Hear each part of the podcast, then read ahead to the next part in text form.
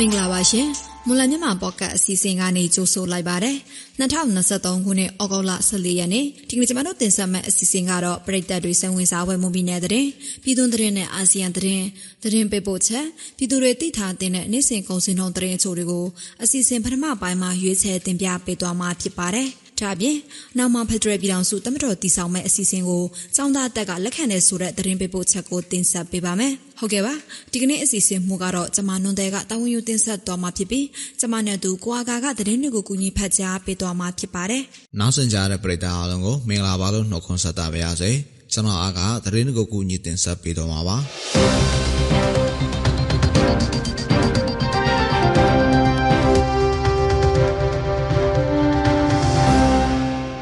ဦးဆုံးသတင်းတပုတ်အနေနဲ့ ပေါင်မြို့နယ်ပန်ကုန်းကျေးရွာရန်ကုန်မော်လမြိုင်ကားလမ်းမှာဩဂုတ်လ12ရက်နေ့ညနေပိုင်းကစင်းချိုင်းနယ်မြေရဲစခန်းက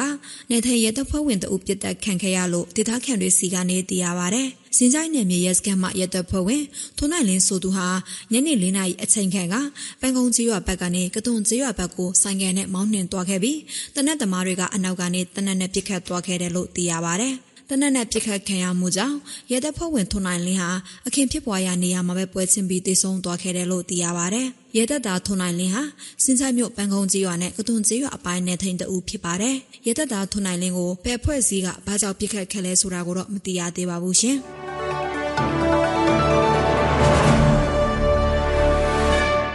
နောက်တော့တဲ့ဘောအနေနဲ့ ရေကြီးနှိမ့်မြုပ်မှုကြောင့်မွန်ပြည်နယ်မှာမိုးစဘာစိုက်အေကတောင်ချီပျက်စီးဆုံးရှုံးမှုတွေရှိတယ်လို့ဒေသခံတောင်သူလယ်သမားတွေထံကနေသိရပါဗျ။မိုးတဲထန်စွာရောသွန်းပြီးမွန်ပြည်နယ်အတွင်းမှာရှိတဲ့ဘီလင်းတထုံကြိုက်ထုံကြိုက်မရောမှုတော်မျိုးနယ်အတွင်းကစဘာစိုက်ခင်တိန်နေကြီးရေနှိမ့်မြုပ်မှုဖြစ်ပွားခဲ့တာပါ။ရေကြီးနှိမ့်မြုပ်မှုဆိုးရွားစွာဖြစ်ပွားခဲ့တဲ့ဘီလင်းမြို့နယ်အတွင်းမှာတော့မိုးစဘာစိုက်အေကထက်ဝက်ကြော်ခန့်ပျက်စီးဆုံးရှုံးမှုရှိကြောင်းဒေသခံတောင်သူတွေကဆိုပါတယ်။ ပျက်စီးသွားတဲ့စပားကင်းတွေပြန်လည်စိုက်ပျိုးနိုင်ဖို့အတွက်အချိန်မရှိတော့တဲ့အနေအထားကြောင့်လယ်သမားတွေအတိဒုက္ခရောက်နေကြရပါတယ်။ရည်ကြီးနေမြုပ်မှုကြောင့်တထုံမြို့နယ်အတွင်းရဒုံဝွန်မိုးကောင်းတနုကတိုင်းကတိုက်ကလေးတောင်ကြီးအစားရှိတဲ့ကျေးရွာအုပ်စုအတွင်းရှိလယ်တွေလည်းရက်အတန်ကြာရမြုပ်ခဲ့တဲ့အတွက်စပားကင်းတွေပျက်စီးထိခိုက်ကုန်တယ်လို့ဒုံဝွန်ကျေးရွာမှာလယ်သမားသူကဆိုပါတယ်။ အလားတူရေကြီးနှိမ့်မြုပ်ခဲ့တဲ့ကျမ်းမြောမြို့နယ်အတွင်းမှာလည်းမိုးစဘာစိုက်ဧက1000ကျော်ရေနှိမ့်မြုပ်ခဲ့တယ်လို့ဒေသခံတောင်သူတွေကပြောပါရယ်။မွန်ပြည်နယ်မှာနှစ်စဉ်မိုးစဘာစိုက်ဧက9သိန်းနီးပါးစိုက်ပျိုးလေးရှိပြီးရေကြီးနှိမ့်မြုပ်မှုကြောင့်နှစ်စဉ်စဘာစိုက်ခင်တောင်းနေချင်းပျက်စီးဆုံးရှုံးမှုရှိခဲ့ပါတယ်ခင်ဗျာ။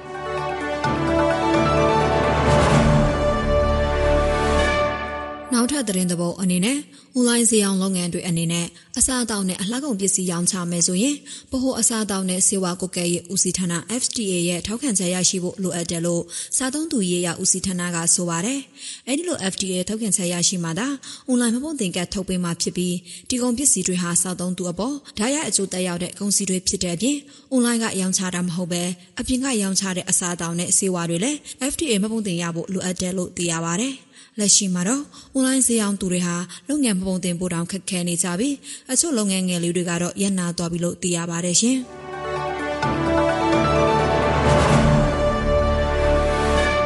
နောက်ထပ်တဲ့ဘောအနေနဲ့ တနင်္လာရီတိုင်းဒေသကြီးထဝဲခရိုင်လောင်းလုံမြို့မှာစစ်ကောင်စီရင်တိုက်ခိုက်ခံရပြီးစစ်ဗိုလ်တအုပ်နဲ့ပြူစောထီတအုပ်တေဆုံးပြီးတအုပ်ထပ်မံထိခိုက်ဒဏ်ရာရရှိခဲ့တယ်လို့လောင်းလုံမြို့နယ်ပြည်သူ့ကာကွယ်ရေးတပ်ဖွဲ့ ALPDFC ကနေသိရပါဗျ။ပြီးခဲ့တဲ့အပတ်ကကြောက်နီမော်ကြီးရွာကနေကြောက်ဝပြင်ကြီးရွာဘက်ကိုထွက်လာတဲ့ အင်အား30ဦးခန့်ပါစစ်ကောင်စီကားတစ်စီးနဲ့ဆိုင်ကယ်တစ်စီးတို့ ALPDF ကအသင်းဆောက်ဆိုင်တိုက်ခိုက်ခဲ့ရာကနေနှစ်ဖက်မိနစ်20ခန့်ပြစ်ခတ်မှုဖြစ်ပွားခဲ့ပါတယ်။ပိကတ်တိုက်ခိုက်မှုအတွင်းရေဖြူမျိုးနဲ့ကလျောင်မျိုးတောက်ရှက်ရွာအခြေဆိုင်ခမာယ430တိုင်ရာနဲ့ ဗိုလ်ကြီးဝေမင်းသူနဲ့ပြူစောသီစုကန်တို့နှစ်ဦးနေရာမှာပဲပွဲချင်းပြီးတည်ဆုံပြီးတောဦးထက်မနဲ့ပြင်းထန်တရားရရှိခဲ့တယ်လို့ ARPDF ကပြောပါရယ်တည်ဆုံသွားတဲ့ဗိုလ်ကြီးဝေမင်းသူနဲ့ပြူစောသီစုကန်တို့ရဲ့ရုပ်လောင်ကိုကြောက်နေမော်ရောက်တုတ်တန်မှာတကြိုခဲ့တယ်လို့သိရပါတယ်ပြစ်ကတ်မှုဖြစ်ပြီးနောက်အင်အား90ခန့်ရှိစစ်ကောင်စီတပ်ဖွဲ့ဝင်တွေတဝဲမျိုးကနေရေချောင်းနဲ့ကျော်နေမော်ရောက်ရောက်ရှိလာတယ်လို့လည်းဆိုပါရယ်ခင်ဗျာ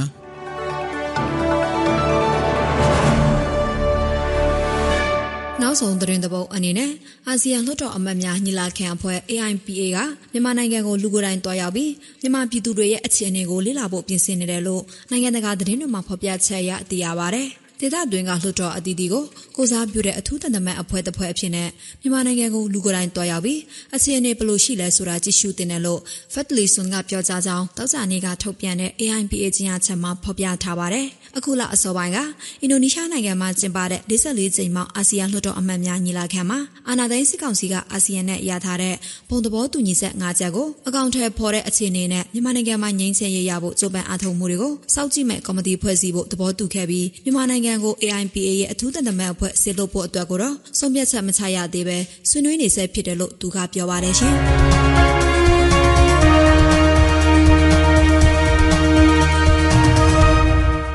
ပြည်သူတွေသိထားတဲ့နေ့စဉ်ကုန်စည်နှုန်းသတင်းချို့တွေကိုမော်လမြိုင်ကုန်စည်နယ်ကချက်လက်တွေကိုအခြေခံပြီးတင်ဆက်ပေးပါဦးမယ်။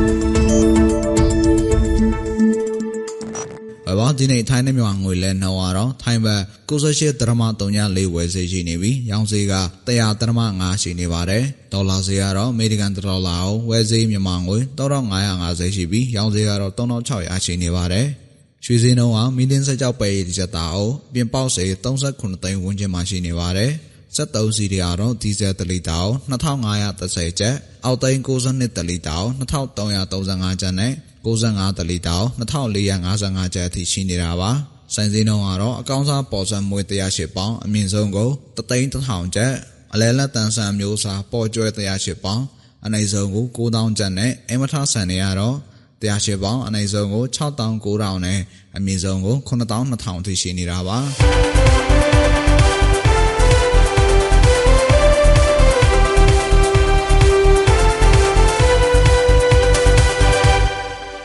တင်ဆက်ပေးသွားခဲ့တာက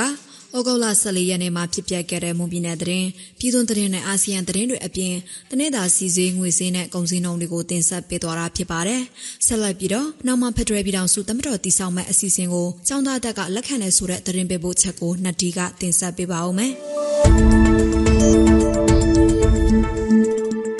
အမျိုးသားညီညွတ်ရေးအတိုင်းပင်ခံကောင်စီ NUCC နဲ့အမျိုးသားညီညွတ်ရေးအစိုးရ NUG တို့မှ တိုင်းရင်းသားပေါင်းစုံပါဝင်တဲ့ဖက်ဒရယ်ပြည်ထောင်စုတပ်မတော်တည်ထောင်မယ်လို့ကြေညာမှုကိုမိမိတို့မြန်မာနိုင်ငံလုံးဆိုင်ရာចောင်းသားများဒီမိုကရက်တစ်တပ်ဦး APSDF မှလက်ခံဆောင် APSDF ရဲ့ပြောရေးဆိုခွင့်ရှိသူရဲဘော်အီလွန်ကပြောပါတယ်။နောက်မှဖက်ဒရယ်ဒီမိုကရေစီပြည်ထောင်စုကိုတည်ဆောက်မယ်ဆိုပါကအဲ့ဒီပြည်ထောင်စုနဲ့ကန့်ညီမဲ့တပ်မတော်တစ်ခုကိုတည်ဆောက်ရမှာဖြစ်တယ်လို့သူကဆိုပါတယ်။ကျွန်တော်တို့ ဖက်ဒရယ်ဒီမိုကရေစီပြည်ထောင်စုကိုတည်ဆောက်မယ်ဆိုရင်ဒီပြည်ထောင်စုနဲ့လိုက်လို့ညှိထွေတဲ့ဖက်ဒရယ်တပ်မတော်ဆိုတာတော့ရှိရမှာပေါ့အဲ့ဒါကိုကျွန်တော်တို့ ABS staff ကလက်ခံထားပြီးသားဖြစ်ပါတယ်ကျွန်တော်တို့ရှိနေတဲ့ဒီလက်နက်ကင်နေတဲ့ခြေနေတွေအားလုံးကိုကျွန်တော်တို့ကတိုင်းပြည်ရဲ့လုံခြုံရေးရှုထောင့်ကနေကျွန်တော်တို့ကြည့်ပြီးတော့တိုင်းပြည်ရဲ့လုံခြုံရေးကိုဘယ်လိုလုံခြုံရေးကဏ္ဍကိုဘယ်လိုကျွန်တော်တို့ပြန်လည်ပြီးတော့တိဆောက်သွားမလဲဆိုတာကျွန်တော်စဉ်းစားမှာပါအဲ့ဒီစဉ်းစားတဲ့ချိန်ကျရင်တော့အခုဆရာမေးတဲ့ကျွန်တော်တို့ local PDF တွေလားတခြား PDF တွေလားနိုင်ငံလက်နက်ကိုင်တဲ့အဖွဲ့အစည်းတွေလားအဲ့ဒါတွေရဲ့ကျွန်တော်တို့ပါဝင်မှုတွေကတော့ကျွန်တော်တို့ရှိရမှာပေါ့နော်အဲ့တော့အချုပ်ပြောချင်တာကတိုင်းပြည်ရဲ့ပြန်လည်ပြုပြင်ပြောင်းလဲတိုင်းပြည်ရဲ့ပြန်လည်တည်ဆောက်မှုလုပ်တဲ့နေရာမှာဒီသုံးအခန်းကဏ္ဍတစ်ခုဖြစ်တဲ့ကျွန်တော်တို့တည်တည်ချာချာလုပ်ဖို့လိုတာပေါ့ပြီးခဲ့တဲ့ဩဂုတ်လ6ရက်နေ့က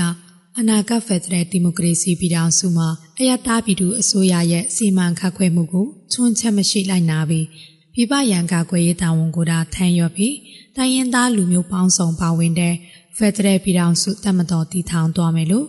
MUCC နဲ့ NUG တို့ကထုတ်ပြန်ကြေညာခဲ့တာပါဖက်ဒရယ်ပြည်ထောင်စုတပ်မတော်တရက်ကိုထူထောင်ပြီးလက်ရှိစစ်ကောင်စီကိုဖျောက်ချမယ်လှုပ်ရှားမှုမကြခင်ရောက်လာတော့မှဖြစ်တယ်လို့မြန်မာနိုင်ငံရေးလေးလာတုံသက်သူဦးတန်းစိုးနိုင်ကဆိုပါတယ်။တိုင်းပြည်ပြည်မှာစစ်တပ်ရှိလို့မဖြစ်ပါဘူး အဲဒီစစ်တပ်ကလည်းကိုယ်ထူထောင်ထားတဲ့ Federal ပြည်ထောင်စုအစိုးရကိုနိုင်ငံနဲ့အစိုးရဖြစ်မှာဖြစ်ဖို့လိုအပ်ပါတယ်။အဲဒါကြောင့်မို့အခု Federal ပြည်ထောင်စုကြီးထူထောင်ဖို့အတွက်လက်တကမ်းအလိုမှာ Federal တပ်မတော်ကိုထူထောင်လိုက်တာလို့ကျွန်တော်တို့ယူဆပါတယ်။အခုချိန်မှာ Federal တပ်မတော်ထူထောင်ရေးအတွက်အချက်လက်တွေကလည်းရင်းမဲ့နေပါပြီ။အခု NUG အောက်မှာတိုင်းရင်းပေါင်းကျွန်တော်300ကျော်ဒေသဆိုင်ရာလုံခြုံရေးတပ်ဖွဲ့250 တိုင်းရင်းသားလက်နက်ကိုင်အဖွဲ့အစည်းပေါင်းစုံတို့ခုဟာဒီလှုပ်ရှားမှုတွေမှာပါဝင်နေဖြစ်တဲ့အတွက်အဲဒီညီအားစုကိုစုစည်းပြီးတော့ဆော့ရပြည်တော်စုတပ်မတော်တရားထူထောင်ပြီးတော့ကျွန်တော်တို့စစ်ကောင်စီတပ်ကိုပြီးကကျွန်တော်တို့မြေမြုပ်တင်ယူပြမယ်လှုပ်ရှားမှုအများကြီးလာတော့မှာဖြစ်ပါတယ်လက်ရှိမြန်မာပြည်မှာတိုင်းရင်းသားလက်နက်ကိုင်ပေါင်းစုံတည်ရှိနေသလို2021ခုနှစ်ဖေဖော်ဝါရီလစစ်အာဏာသိမ်းမှုနောက်ပိုင်းပေါ်ပေါက်လာတဲ့လက်နက်ကိုင်အဖွဲ့အစည်းယာနဲ့ချီရှိနေတာကြောင့် ဖက်ဒရယ်ပြည်ထောင်စုတမတော်တည်ထောင်ဖို့ခက်ခဲနိုင်တယ်လို့နိုင်ငံရေးအတိုင်းအဝိုင်းစာတုံ့တက်မှုတွေလည်းရှိနေပါတယ်။လက်ရှိမှာတိုင်းရင်းသားလက်နက်ကိုင်အဖွဲ့အစည်းအချို့ PDF ပူးပေါင်းတပ်ဖွဲ့များနဲ့စစ်ကောင်စီတို့အကြားကရင်ပြည်နယ်၊ကယားပြည်နယ်ချင်းပြည်နယ်မကွေးတိုင်းဒေသကြီးစကိုင်းတိုင်းဒေသကြီးတို့မှာတိုက်ပွဲတွေဖြစ်ပွားလျက်ရှိနေပါတယ်ရှင်။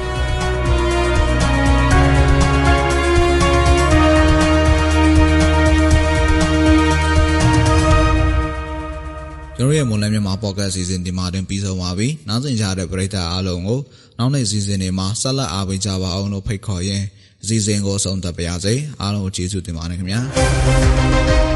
။